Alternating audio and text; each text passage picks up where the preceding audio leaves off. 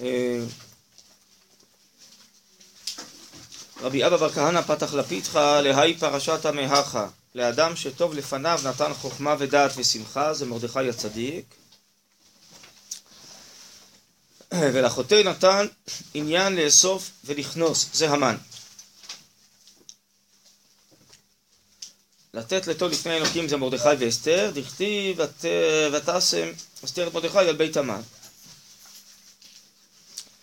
אז אה, בעצם מה שהוא אומר שיש אדם שהוא טוב לפניו, הוא טוב לפני השם.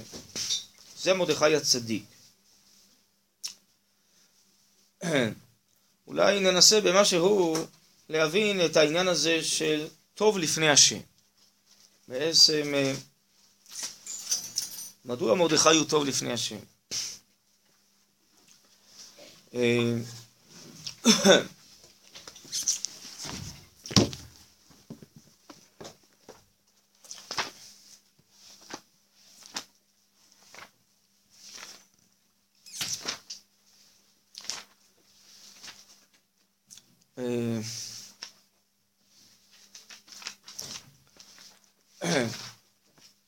יש פסוקים שמופיע בשולחן ערוך אה, שגם אה, הם הפסוקים שבהם מתחילה אה, הגאולה.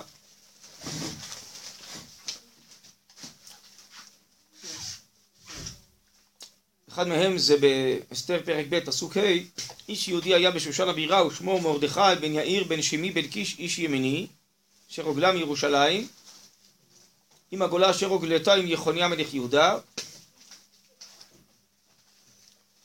אשר הגלה נבוכדנצר מלך בבל.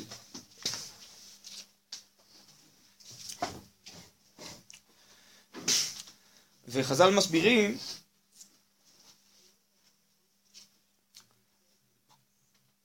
שהוא הוגלה עם הגולה אה, בעצם הראשונה של אה, גלות בית ראשון. אם כן מרדכי עדיין היה אה, בתקופת בית ראשון, באותו שפע עצום של רוממות ונבואה שהייתה בישראל, והוא היה נביא, ככה לפי חז"ל, נשאר בין הנביאים עוד שהיו אה, גם אחרי זה באנשי הכנסת הגדולה, והוא היה מיושבי לשכת הגזית, מהסנהדרין, שישבו בלשכת הגזית בבית המקדש הראשון. אותם סנהדרין הם היו אנשים אלוקיים מיוחדים, מאוד.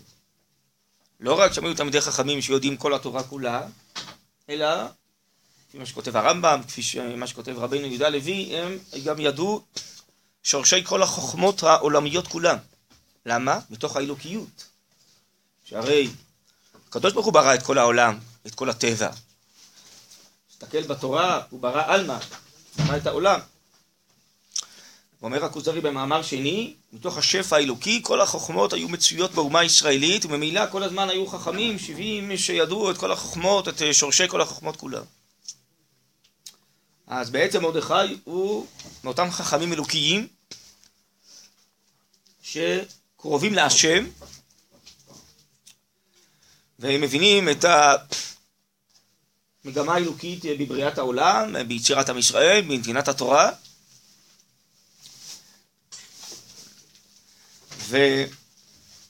ולאחר מכן מגיע מצב של חורבן בית המקדש וסילוק השכינה וגלות ישראל והוא מהגולים הראשונים שגלו בגלות יחוניה. נתלה מלכות מישראל וניתנה לבבל. והייחוס שלו פה שהוא בן יאיר בן שיבי בן קיש איש ימיני הוא מזרע בנימין ואיש יהודי. מה זה הביטוי הזה איש יהודי? יהדות קודם כל זה אמונה. כל הכופר בעבודה זרה נקרא יהודי. ככה גם הרב קוק מסביר על מגילת אסתר את הביטוי הזה של היהודים, הכוונה היא המונח אה, אמונת ישראל, שפחד היהודים נופל על עמי הארץ, אמונת ישראל מתפשטת. אז הוא איש מלא אמונה, מלא דעת השם, מלא כוחות אלוקיים. בכלל, יש כמה וכמה אישים שנאמר עליהם בפסוקים איש יהודי, ובמדרשים דורשים עליהם יחידי. מה זה יחידי? כאלה שמופיעים את יחידו של עולם. שהם חיים בייחוד האלוקי העליון, כל uh, מבטם זה מתוך דבקות לראות את תופעת השם בעולם, ממילא כל התהליכים שעוברים עליהם ועל עמם, הם רואים בזה השגחה אלוקית, והם מנסים לפעול עם אל כדי להוציא לפועל את אותה השגחה אלוקית. כן? אז זה נקרא איש יהודי, איש יחידי כזה, שיחידו של עולם עומד עליו בעצם, ועכשיו בעצם הוא מבין שזה עידן גלות, והוא גולה. אבל אפשר להניח שכשאדם כזה גולה, זה לא שהוא שוכח, נכון, את כל תורתו ואת כל מדרגתו ואת כל אלוקיותו, נכון? אלא הוא ינסה עכשיו לראות איך ממשיכים את זה בעידן גלות. ואיך מקדמים ועוזרים להשגחה אלוקית בעידן גלות. חז"ל למשל אומרים את זה על אה, פרק ב', פסוק אה, י"א, לא הגידה אסתר את המוות מולדתה, כי מרדכי ציווה עליה אשר לא תגיד. ובכל יום היום מרדכי מתהלך לפני חצר בית הנשים, לדעת את שלום אסתר ומה יעשה בה. הפשט, הוא רוצה לראות מה יקרה עם אסתר. אבל חז"ל בעיניהם הגדולות הם מבינים בפסוקים אחרת. כי הם כנראה מבינים מי זה מרדכי ומהי מדרגתו ומעלתו. אז הם מסבירים, אני אקרא לכם רש"י מביא פה בשם חז"ל, זה מופיע בילקוט שמעוני, ומה יעשה בה? זה אחד משני צדיקים שניתן להם רמז ישועה. שני צדיקים רמזו להם מן השמיים רמז, ישועה, והם נרמזו. הם הבינו שהקדוש ברוך הוא מגלגל איזה תהליכי ישועה. מי זה הראשון? זה דוד, שנאמר, גם את הארי, גם הדוב היכה עבדיך, אמר לא בא לידי דבר זה, אלא לסמוך עליו להילחם עם זה. חז"ל מסבירים את זה גמרא במסכת אה, בבא מציע דף ק"ו, שדוד היה רועה צאן הרי, ופתאום הגיע ארי ודוב, ולפי חז"ל היו שם כמה אריות ודובים, והוא התגבר על כולם. הוא הבין שהוא קיבל איזה כוח אלוקי להתגבר על כולם, זה לא משהו אנושי. והוא שאל את עצמו, בשביל מה הקדוש ברוך הוא נתן לי כזה כוח? מה זה כל כך חשוב עכשיו? אז הם יטרפו אה, כמה מן הצאן. אלא רומזים לי, נותנים לי איזה כוח, כנראה לאיזה אירוע שעוד עתיד להיות. ולפי אחד המדרשים, הוא עשה מהם, מהאור שלהם איזה סרבל, והיה הולך עם זה כל הזמן, דרוך, ומוכן לראות מתי יגיע האירוע שהוא צריך להשתמש בכוח הזה, שהוא גילה שיש בו. ועל פי זה מסבירים בשמואל א' י"ז, שזה מה שהוא אומר ומשכנע את שאול, שייתן לו ללכת להילחם עם גוליית. הוא אומר לו, גם את הארי ואת הדוב ייגע עבדיך, גם הפלישתי הערל הזה כאחד מאלה. אז מה הוא אומר בזה? מי אמר? הוא קצת יותר חזק אולי מהארי והדוב האלה. לא. רמזו לי אז מן השמיים בשביל האירוע הזה. שאני אצטרך להושיע את ישראל, תשועה גדולה, והראו לי שיש לי כוח וייתנו לי כוח להצליח למען אסיר חרפת ישראל וחילול השם, כמו שהוא אומר שם בשמואל א' י"ז. אז רמזו לו והוא נרמז. ואותו דבר הצדיק השני שרמזו לו זה מרדכי, אני קורא. וכן מרדכי אמר, לא יראה לצדק את זו שתילקח למשכב הראל, אלא שעתידה לקום להושיע לישראל. לפיכך היה מחזר לדעת מה יהיה בסופה. כלומר,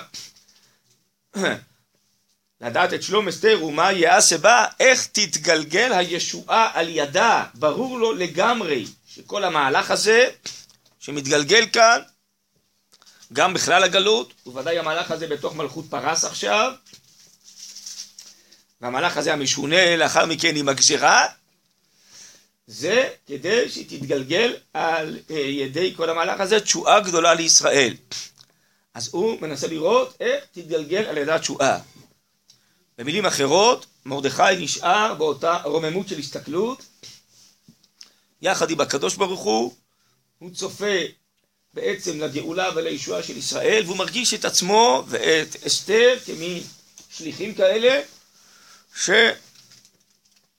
שייתכן שהם צריכים לפעול כדי שעל ידם תתגלגל התשועה הזאת לישראל.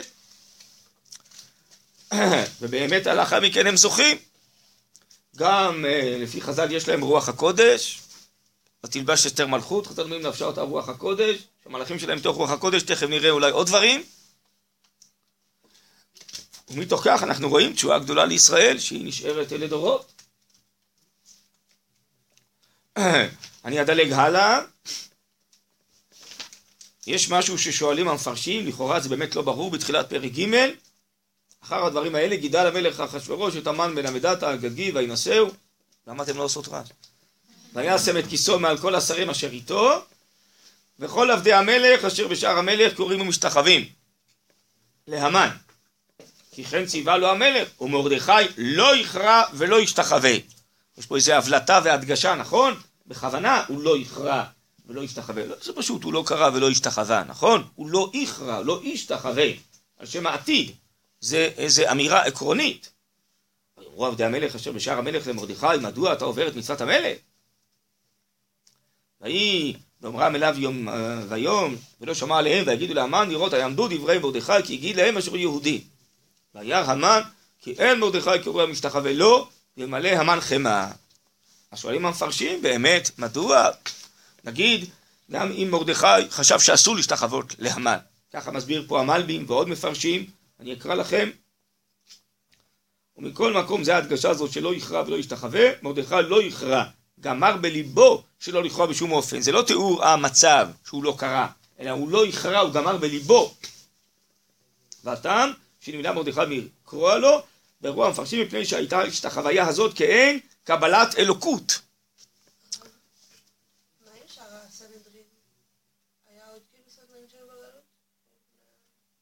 אה, לא יודע, אני לא יודע על איזה ידיעות, בכלל צריך להזכיר, אנחנו פה כבר אחרי מלכות בבל, מלכות פרס, הרי גם הם גלו בזמן בבל, אבל מרדכי פה נשאר כבר למלכות פרס, זו תקופה אחרת כבר, בסדר? אבל אני לא, אה, לא יודע. אה, ידיעות על זה, אז אני לא רוצה להגיד. ואז אם כן, בעצם מרדכי מבין שזה אסור להשתחוות. וככה באמת מסביר גם המלבים פה, גם אה, הרדב"ז, יש איזה שו"ת הרדב"ז, תמיד חכם עצום שכתב תשובות בהרבה נושאים. אז בהסבר הראשון שלו הוא אומר, בעצם מרדכי יבין שפה זה כמו שעת הגזירה, זה כאילו לקבל מישהו אחר כאלוקות, ולכן הוא החליט לקדש את השם כמו חנניה, מישל ועזריה, שפה יש מצוות מסירות נפש וחידוש השם שהוא בכל מקרה לא יכאב ולא ישתחווה. כי שואלים כל המפרשים, אז אולי יכל אה, להתחבק מזה, לבקש שישימו אותו שומר אה, במקום אחר, חייב דווקא להיות איפה שהמן עובר, בשער המלך. אז הוא לא יגיע למצב שהוא צריך לכרוע ולהשתחוות. לא, הוא הבין שזה שעת הגזירה, צריך לקדש עכשיו את השם בצורה הזאתי. הוא נשאר עם אותה דבקות אלוקית, הוא כל כולו לפי התורה ולפי ההלכה, לפי האמונה, זה מה שהוא חושב שצריך לעשות. ככה מסבירים פה המלבים והרדב"ז בתשובה הראשונה. אבל בתשובה השנייה הרדב"ז אומר, הסבר אחר, שמרדכי היה בעל רוח הקודש, שהמשיכה עם אה, חכמי ישראל האלה שגלו גם בגלותם, והוא בעצם יודע שזה לא עניין פרטי מול המן, הוא מבין שהמן זה מזרע עמלק, זה המשך המלחמה בין ישראל לעמלק, והוא יודע שכאן יש מאבק כוחות, ומכאן צריכה לצמוח ישועה לישראל. גם בעומק הגלות, פה תצמח ישועה. יש לו רוח הקודש, שזה מה שצריך לעשות. זה מין הוראה מיוחדת, הוראת שעה כמובן, שיש רוח הקודש לכל מיני חכמים. עד כמין הוראת שעה כזאתי בעצם, זה כנראה כוונת הרדב"ז. והוא עכשיו מבין שיש לו אחריות בעצם על הגאולה, על הישועה של כלל ישראל שצריכה לצמוח מפה. אז יש לו מבט כזה, זה מעבר, מעבר לעניין של הסיכון האישי שלו, זה לא החשבון פה עכשיו חשבון אישי, לגמרי החשבון שלו הוא כללי, לאומי, היסטורי, יש פה משהו שהקדוש ברוך הוא בעצם העמיד אותו כאן, בתוך הדבר הזה, הוא צריך לפעול. ואתם רואים שאפשר בכלל ללמוד מהמגילה הזאת הרבה מאוד דברים, אבל אחד מהם זה בכלל שאדם צריך להיות כל הזמן דרוך, לראות את מעשה השם, ולראות האם רומזים לו גם כן מן השמיים, אולי אפילו לעניינים אישיים, פרטיים, זה לא חייב דווקא לעניינים לאומיים, אבל מחשבתנו צריכה להיות כלפי מעלה, כלפי השגחה אלוקית העליונה. והנה, פה יש אדם יחידי, גם יחידי כפשוטו, הוא ואסתר, שדרכם התרחש מהפך בתוך עם ישראל, ומהפך בעצם אה, אה, עולמי פה בהפלת אה, המן וכוחות עמלק, כוחות הרשע בעולם. יש כזה דבר, שלפעמים מלאכים היסטוריים מתנקזים דרך אישים יחידים. זה מדהים, אבל זה ככה. לפעמים הקדוש ברוך הוא, כן, הרי זה מה שאחרי זה מרדכי שולח לאסתר, נכון? מי יודע אם לעת כזאת הגעת למלכות? את לא התכוונת לזה. בכלל, לפי המפרשים, המלבים ואחרים הם שואלים, מה פתאום אה, בכלל אסתר הלכה? אז, ולמה ציווה עליה מרדכי שלא תגיד את עמה ומולדתה? אז המלבים, יש לו מהלך פה מתחילת הספר, שבעצם כשהיו כרוזים שאמרו לכל הנערות לצאת, הוא לא נתן לה לצאת, הוא אמר לה שאסור לצאת. ובסוף אה, זה היה כבר סכנת נפשות ויכלו להרוג אותה. והיה נס שלקחו אותה בכוח, באונס, אבל בכלל, אבל בלי שהרגו אותה, כי בעצם כבר היא הייתה אמורה למות, בגלל שהיא לא שמעה את מצוות המלך. אז היה אונס גמור, הוא חיכה, רק אם יהיה אונס גמור, הוא לא נותן לה לצאת. ולכן הוא פחד שברגע שהיא תגיד את דמה במולדתה, יהרגו את כל המעל במולדתה, כי כעסו עליה. ככה מסביר המלבן. אז ודאי שכל המהלך הזה הוא בעצם בעל כורחו של מרדכי ובעל כורחה של אסתר. אז היא בכלל לא ביקשה להיות במצב הזה. אבל מי יודע אם ילד כזאת הגעת למלכות, הכדור הוא מגלגל משהו. ומה שכתוב, ותילקח, נכון? ככה הוא מדייק גם כן. ותילקח, על כורחה. אז יש מצבים שאדם, אה, אפילו אדם יחידי, נכנס לאיזשהו מצב, הוא בכלל לא התכוון, הוא לא רצה, הכריחו אותו. ועליו עומדת כל ההיסטוריה.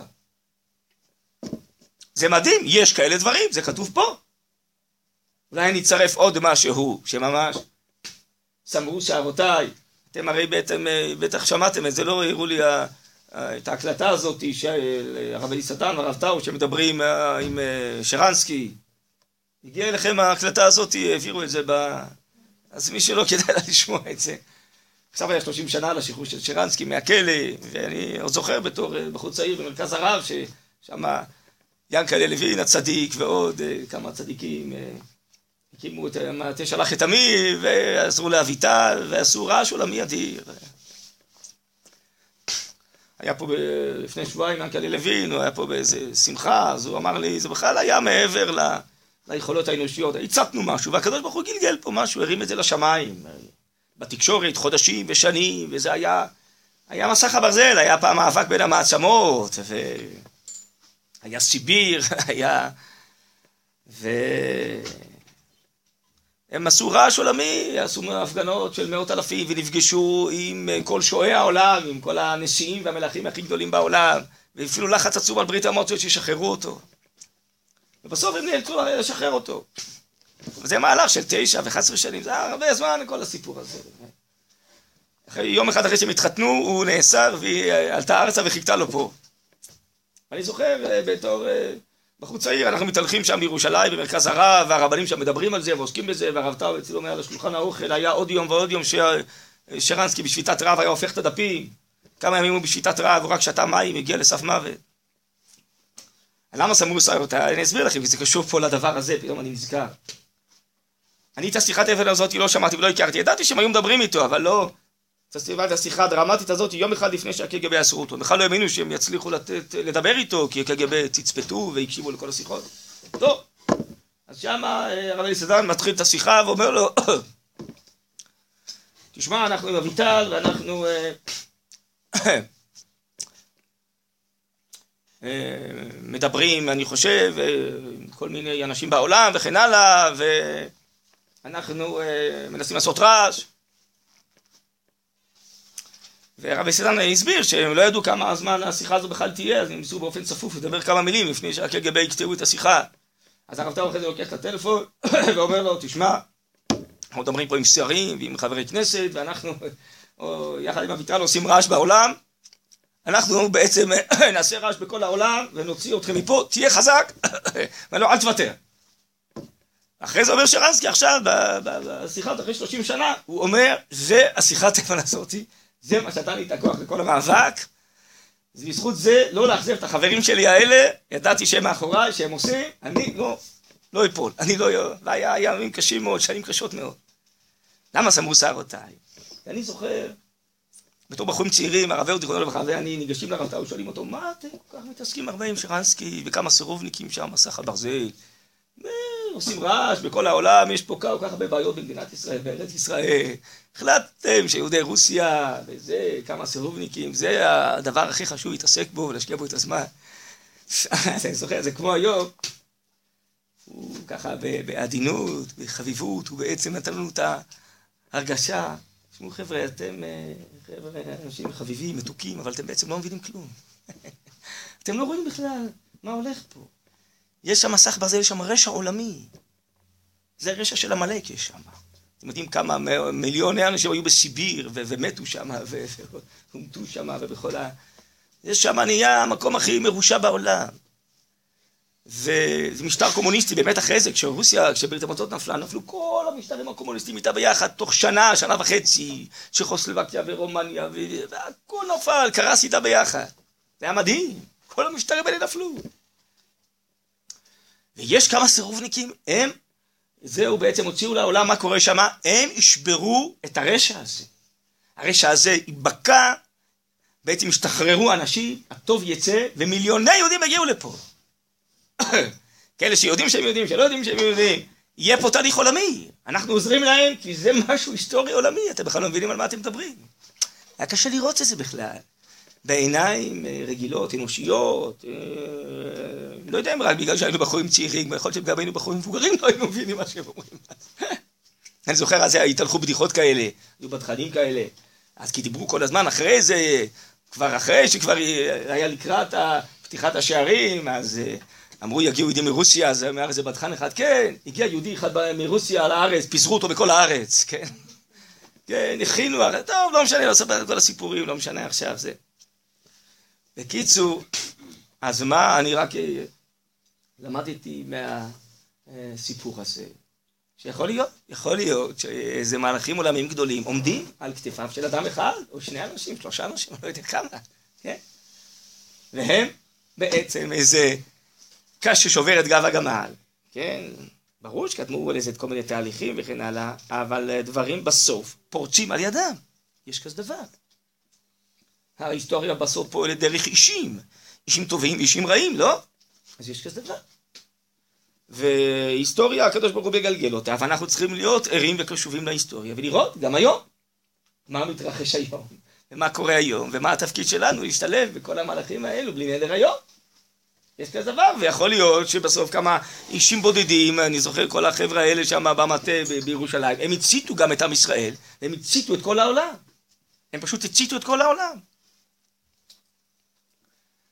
סיפר לי ינקלה לוין שהם, אני יודע מה, החליטו שצריך להיפגש עם נשיא שווייץ. אמרו שיש לו השפעה על רוסיה וזה, טוב. אז הוא נסע לתל אביב לאיזה בעל מלונות, שאמרו שיש לו קשרים אה, עם נשיא שווייץ, הוא יסדר להם, אה, יסדר להם אה, פגישה עם נשיא שווייץ. טוב, דיברו, דיברו, הסבירו וזה. לקראת סוף הפגישה אומר לו, תשמע, אבל אתה לא מתכוון עם הציציות בחוץ האלה שלך. אתה לא מתכוון עם זה לבוא לפגישה של נשיא שווייץ, נכון? אומר לו, בטח שאני אבוא, ככה אני בא. אומר לו, אם ככה אני לא מסדר לך פגישה. אומר, טוב, אל תסדר, שלום, להתראות. אנחנו נסתדר בלעדיך. קיצור, הוא אומר, מצאתי דרך אחרת להגיע למישהו אחר סידר לי פגישה עם נשיא שווייץ. קיצור, באו צלמים מכל העולם, הוא אומר, פתחתי את הזה, שיצלמו את הציציות שלי מכל הכיוונים, הוא אומר, ההוא חטף שוק, ראה בכל התמונות בעולם אותי עם הציציות, התקשר אליי. בקיצור, זה אנשים כאלה צדיקים, הייתם רואים אותו פה בשבת לפני שבועיים, יהודי קטן אמור, זה לא הייתם מאמינים שהאיש הזה, האיש הזה ויש שרנסקי, חד וחלק. חד וחלק. והוא סיפר לי בבדיחה שבאותו אירוע שם של שרנסקי, שכל מיני אנשים סיפרו, כל אחד, מה זה, מה הוא עשה, זה עשה את זה, זה עשה את זה, זה עשה את זה, אומר, אבל בעצם את האדם המרכזי שכחו להזכיר, שכחו להזכיר את הקדוש ברוך הוא, שהוא היה בעצם בסוף הכוח המרכזי. זה אנשי אמונה כאלה, כן, לא מחשיבים את עצמם לכלום, אבל פועלים בשם קידוש השם. פועלים, פועלים בשם הקדוש ברוך הוא. פועלים בשם ההיסטוריה, בשם התורה, בשם האמונה, כן? והיסטוריה מתגלגלת על ידם. הם מציתים, מעוררים, אז הוא אומר, הצתנו משהו, זה בכלל היה הרבה מעבר, זה ברור שזה הקדוש ברוך הוא פה הרים את זה לגובה, כי הוא רצה שזה יהיה. אבל הוא מחפש ברוך הוא איזה שליחים. אז איך אני יודע שהוא מחפש שליחים? אולי רק נסיים בזה. אז זה גם כן כתוב במדרש על מרדכי. שגם את מרדכי חיפשו מן השמיים. אם יש מישהו בדור שאפשר לדבר איתו, משהו כזה, כך כתוב במדרש. אני אראה לכם. אה, יש פה הרבה מדרשים, יש הרבה עניינים וזה, אבל רק משהו אחד פה לסיום הנקודה הזאתי. כתוב ככה. אחרי שהם נכנסו לסעודה ונגזרה עליהם כליה, אז כתוב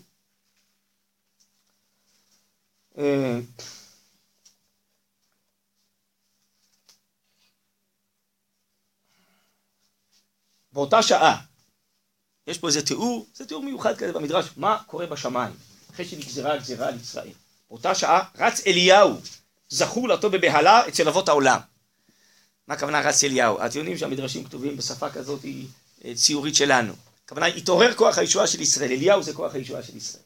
בסדר? זה כוח טבעיותם של ישראל, ככה הרב קוק אומר בספר אורות. הישועה התעוררה. אליהו רץ בבהלה אצל אבות העולם. אבות העולם זה הטבע הישראלי. כן? סגולת ישראל, סגולת ישראל צריכה להישאר בעולם. אם בלי זה לא יהיה עולם, זה נשמת העולם. אז מה יהיה עם זה? ואצל משה בן עמרם, משה בן עמרם זה התורה. חוכמת התורה צריכה להופיע בעולם, דרך עם ישראל, מה יהיה עם זה?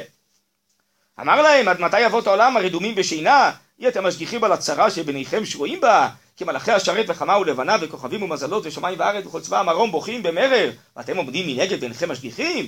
וכולי וכולי וכולי ואז בסוף משה רבינו שואל את אליהו הנביא, אמר לו משה, כלום יש אדם כשר באותו הדור?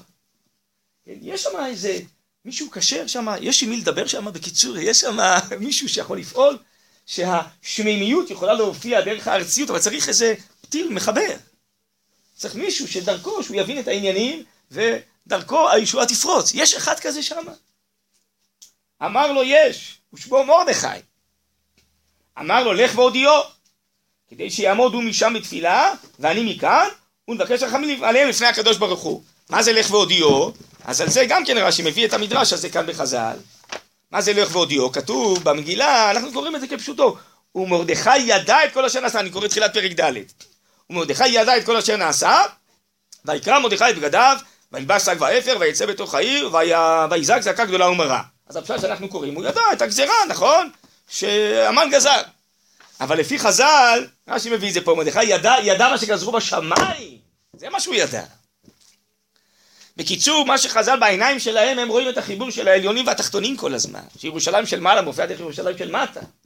אז גם בגלות, המגמות העליונות מופיעות דרך אנשים שנמצאים בעולם הזה התחתון.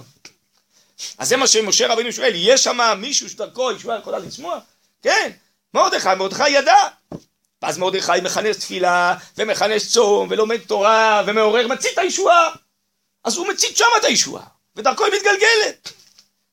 אז זה רמזו לו מן השמיים והוא נרמז, נכון? המרדכי הזה. עם העיניים האלוקיות שלו, של אה, לשכת הגזית, של הסנהדרין. אז בשביל מה כל המגילה נכתבה? כדי לעשות גילוי, לגלות לנו. הרי כל המגילה גם אין שם, שם, אין שם שמיים מופיע בגלוי. לגלות לנו איך רואים את המציאות שהכל אלוקי. אז אה, כל המגילה הזאתי, כן, עם הפסוקים שלה כאן ועם דברי חז"ל, זה גם לפתוח את העיניים שלנו, זה נכתב לדורות. גם אנחנו צריכים אה, לפתוח את העיניים, לתשורות ולגלגולים של ימינו. אולי גם אה, שואלים בשמיים עכשיו, יש איזה אנשים כשרים בדור שלדרכם לגלגל היום את הישועה? בוודאי שואלים. יש מישהו שמבין בעצם מה אנחנו רוצים, וכאלו שמוכנים לפעול למען הישועה, זה ברור שבשביל זה זה נכתב. זה נכתב לדורות, וזה לנסה בכלל המגילה הזאת, חז"ל אומרים. אז אני חושב שאנחנו ודאי צריכים ללמוד מזה לימינו, אז אנחנו לא מרדכי, אבל אנחנו יכולים להצית מה שאנחנו יכולים ביכולות שלנו. כל, כל דור וכל זה ביכולות שלהם. כן, אפשר לעשות מהלכים גדולים גם היום, ולפעמים זה דרך אישים ייחודיים או קבוצות קטנות. בכלל, הרבה שונים בהיסטוריה זה דרך אנשים יחידים, דרך קבוצות קטנות, מה שנקרא אידיאולוגיות, חזקות, שהן מציתות, בעצם מציתות קדימה את הדור, את הדורות. אז כנראה שאולי אה, גם איתנו יש תביעה היום, ואולי גם אה, בשמיים רוצים שאנחנו נעשה משהו. טוב, בעזרת השם, בלי נדר. טוב, כל טוב.